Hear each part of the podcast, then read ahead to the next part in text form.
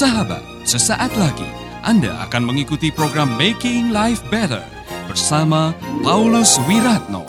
Selama 15 menit ke depan, Anda akan belajar membuat kehidupan lebih baik.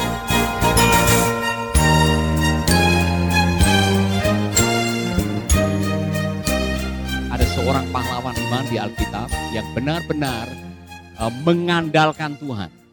Sehingga pada waktu 7.000 kambingnya disambar petir, 3.000 ontanya dirampok, 1.000 lembunya dijarah, 10 anaknya mati kerobohan rumah, dia masih bisa mengucapkan kalimat, Aku lahir dengan telanjang. Aku kembali dengan telanjang. Tuhan yang memberi, Tuhan yang mengambil. Terpujilah nama Tuhan. Siapakah dia? Ayo, luar biasa kan saudara. Jadi pada akhirnya Berbahagialah orang yang mengandalkan Tuhan. Orang yang mengandalkan harta, saudara akan kecewa. Karena kalau bukan engkau yang meninggalkan hartamu duluan, hartamu yang meninggalkan engkau duluan. Ya kan? Saya pernah pelayanan di Lumajang, tinggal di sebuah hotel dan malam-malam itu ada keramaian di sebelah hotel. Ada orang yang anfal. Karena nonton televisi, pas diumumkan Bank Harapan Sentosa dilikuidasi. Nah Bapak ini langsung uh, anfal karena 400 juta uangnya ada di bank itu. Di tengah jalan dia meninggal dunia. Ngikuti uangnya itu. Maka berbahagialah orang yang mengandalkan Tuhan. Terkutuklah orang yang mengandalkan ada ayatnya. Maka ibu-ibu jangan terlalu mengandalkan suamimu. Serius nih, saudara. Suami-suami jangan terlalu mengandalkan istri. Suatu saat mereka juga akan pergi meninggalkan saudara. Kalau bukan suami yang duluan, istri yang duluan. Iya kan? Amin. Ini ini kebenaran ini, bukan obuatan, bukan ramalan. Kita semua menuju ke satu tempat yang sama. Dan tempat transitnya juga sama, satu kali dua. Taman Mumbul. Kita semua akan ke sana. Lalu apa yang harus kita lakukan saudara? Hidup yang singkat ini jangan lupa bahagia. Amin. Katakan kepada teman saudara jangan lupa bahagia. saya mau mengajarkan uh, pelajaran sebetulnya ini berseri. Jadi saya sudah mengajarkan uh, beberapa hari yang lalu. Jadi saudara-saudara yang mungkin tidak sempat mengikutinya nanti bisa di YouTube atau di uh, Facebook saya yaitu kesalahan-kesalahan dalam pernikahan. Yang sudah menikah angkat tangan? Wow. Yang pernah nikah angkat tangan. Yang belum nikah dan pikir-pikir suatu saat akan nikah, berbahagialah karena Anda mendengar sebelum Anda nikah. Saya tidak mendengar pengajaran ini sebelum saya menikah. Maka saya juga banyak melakukan kesalahan. Kalau tidak percaya, tanya istri saya. Banyak kesalahan yang saya perbuat. Maka saya ingin kita mengajarkan atau meng, mem, mengetahui, mem, memiliki informasi, knowledge, understanding tentang hal ini. Karena begini, mohon maaf, setuju tidak setuju saudara harus mengucapkan ini. Kualitas hidupmu tergantung dari kualitas pernikahanmu. Kualitas hidupmu tergantung dari kualitas pernikahanmu. Saya mau ini menjadi personal. Kualitas hidupku tergantung dari kualitas pernikahanku. Berani mengucapkan ini? Satu, dua, tiga. Amin. Saudara-saudara itulah sebabnya dikatakan kalau hubungan pernikahan kita baik, maka yang lain-lain ikut baik. Amin. Wah Pak kuat sekali aminnya, luar biasa. Iya kan? Ini benar saudara-saudara. Makanya kita harus belajar bagaimana membuat pernikahan kita sebagai rumah kebahagiaan supaya waktu keluar dari rumah ada senyum. Saya pernah bertengkar, saudara. Kemudian saya dalam keadaan marah keluar, ditabrak mobil saya. Saya belajar sesuatu di situ. Jangan pernah keluar rumah dalam keadaan marah. Iya kan? Nah, ini pelajaran bagi kita semua ya, saudara-saudara. Saya mau mengajak saudara-saudara untuk belajar memahami beberapa kesalahan. Saya pernah uh, menyampaikan yang pertama kemarin. Kesalahan pertama, percaya bahwa Anda akan selalu bahagia dalam pernikahan itu kesalahan. Ya kan? Saudara-saudara, saya mau mengajak saudara-saudara, ternyata bahagia atau tidak bahagianya pernikahan saudara tergantung dari knowledge.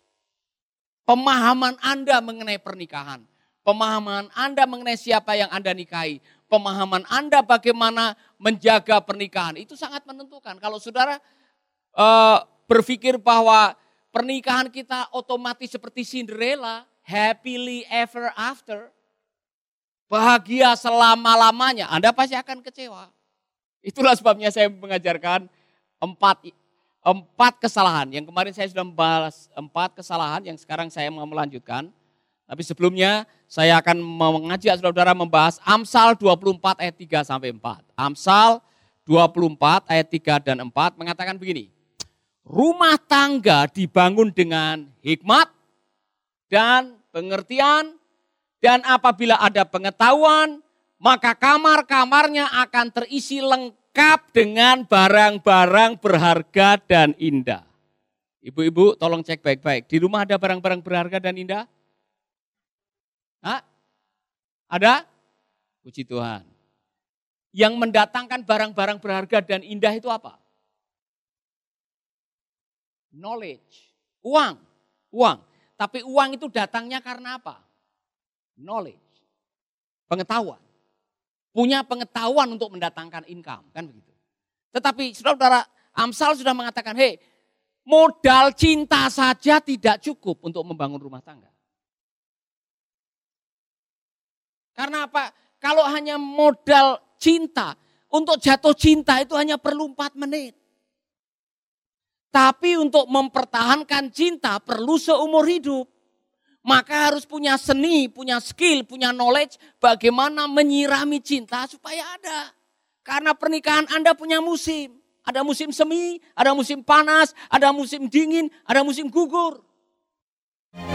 Anda masih bersama Paulus Wiratno di Making Life Better.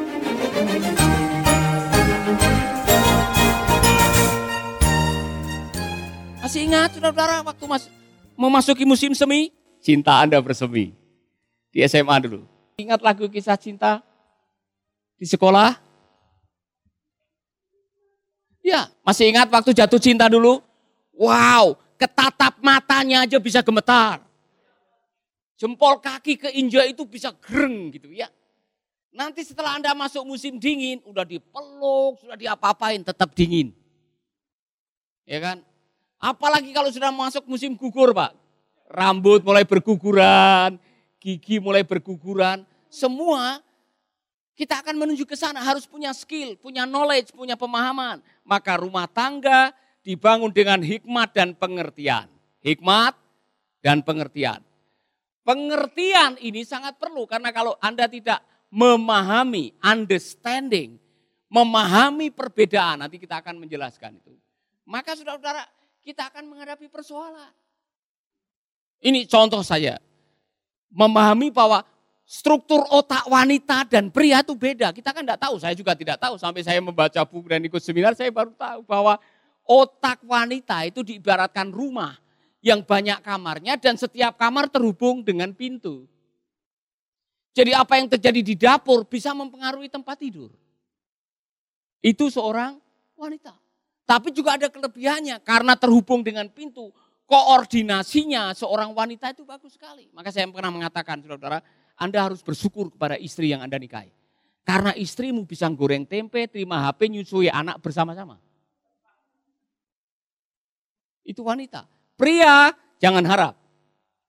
Saya masih ingat, Pak, jangan lupa nanti ganti pampers anak. Eh, jangan lupa itu masakan, nanti diangkat kalau sudah matang. Eh, jangan lupa jemuran. Jangan suruh tiga tugas bersamaan untuk pria. Tidak bakalan bisa. Anda malah akan kecewa. Karena memang kabel penghubung otak kanan dan otak kiri pria itu lebih kecil dibanding dengan wanita. Kabel wanita itu 30% lebih gede. Oh, baru tahu ya. Luar biasa kan? Nah, koordinasi yang bagus. Nah, ini understanding, memahami pasangan. Karena koordinasi antar e, ruangan itu bagus, maka wanita yang Anda cintai bisa mendeteksi bahaya. Dia bisa tahu Anda bohong tanpa lihat bukti. Jadi jangan macam-macam dengan wanita yang kau nikahi. Anda bohong, dari raut mukanya saja dia bisa tahu. Tanpa melihat bukti. Waspadalah. Topik kita bukan itu. Topik saya menjelaskan yang kelima. Yang satu, dua, tiga, empat sudah saya jelaskan. Kesalahan yang kelima yang sering kita lakukan adalah putting all your energy into hobbies and activities outside the home rather than into the marriage. Maksudnya begini, menaruh seluruh energi ke hobi dan kegiatan di luar rumah daripada ke pernikahan. Suka hobi, menjalankan hobi, waktu, energi, tenaganya untuk hobi. Sampai lupa memberikan mas apa memberikan waktu, emosi, energi untuk nurture, untuk memperbaiki pernikahan Anda.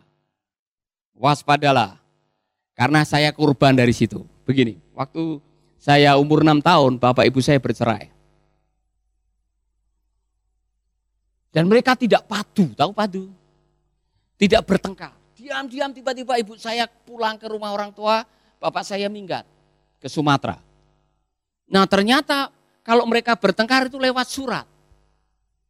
Jadi kalau ibu nulis surat taruh di laci meja, nanti sebentar lagi bapak saya membaca kemudian dia nulis taruh di meja. Nah ujung-ujungnya saya baru tahu, ternyata saya tanya kepada ibu, kenapa ibu meninggalkan bapak? Bapakmu punya hobi tukang judi. Suka judi. Jadi bapak saya jualan tahu campur. Jam 5 sore itu keluar. Pulangnya besok jam 5 sore lagi. Saya suruh nyusul, cari bapakmu di tempatnya Mbah Bro namanya.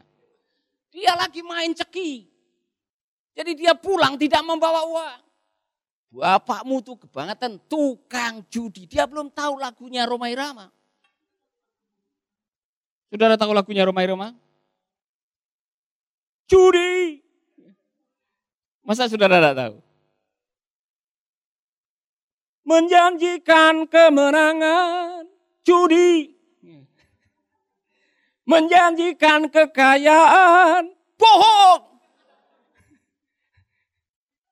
Kalaupun kau menang itu awal dari kekalahan. Bohong. Itu awal dari kehancuran. Dan saya sudah menyaksikan.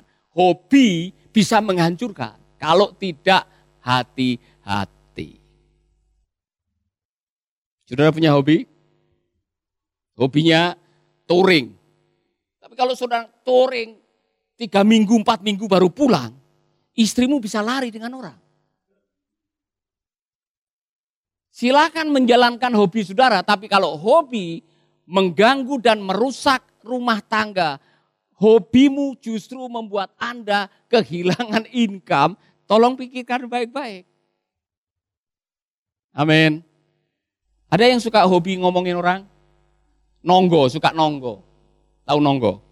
Dari tetangga ke tetangga, tetangga ke tetangga, ngerumpi.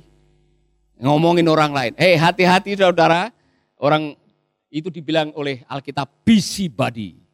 Orang yang kelihatannya sibuk, tapi sibuk ngomongin orang lain. Sibuk nonggo, sibuk. Hobi itu bisa menghancurkan pernikahan saudara. Amin.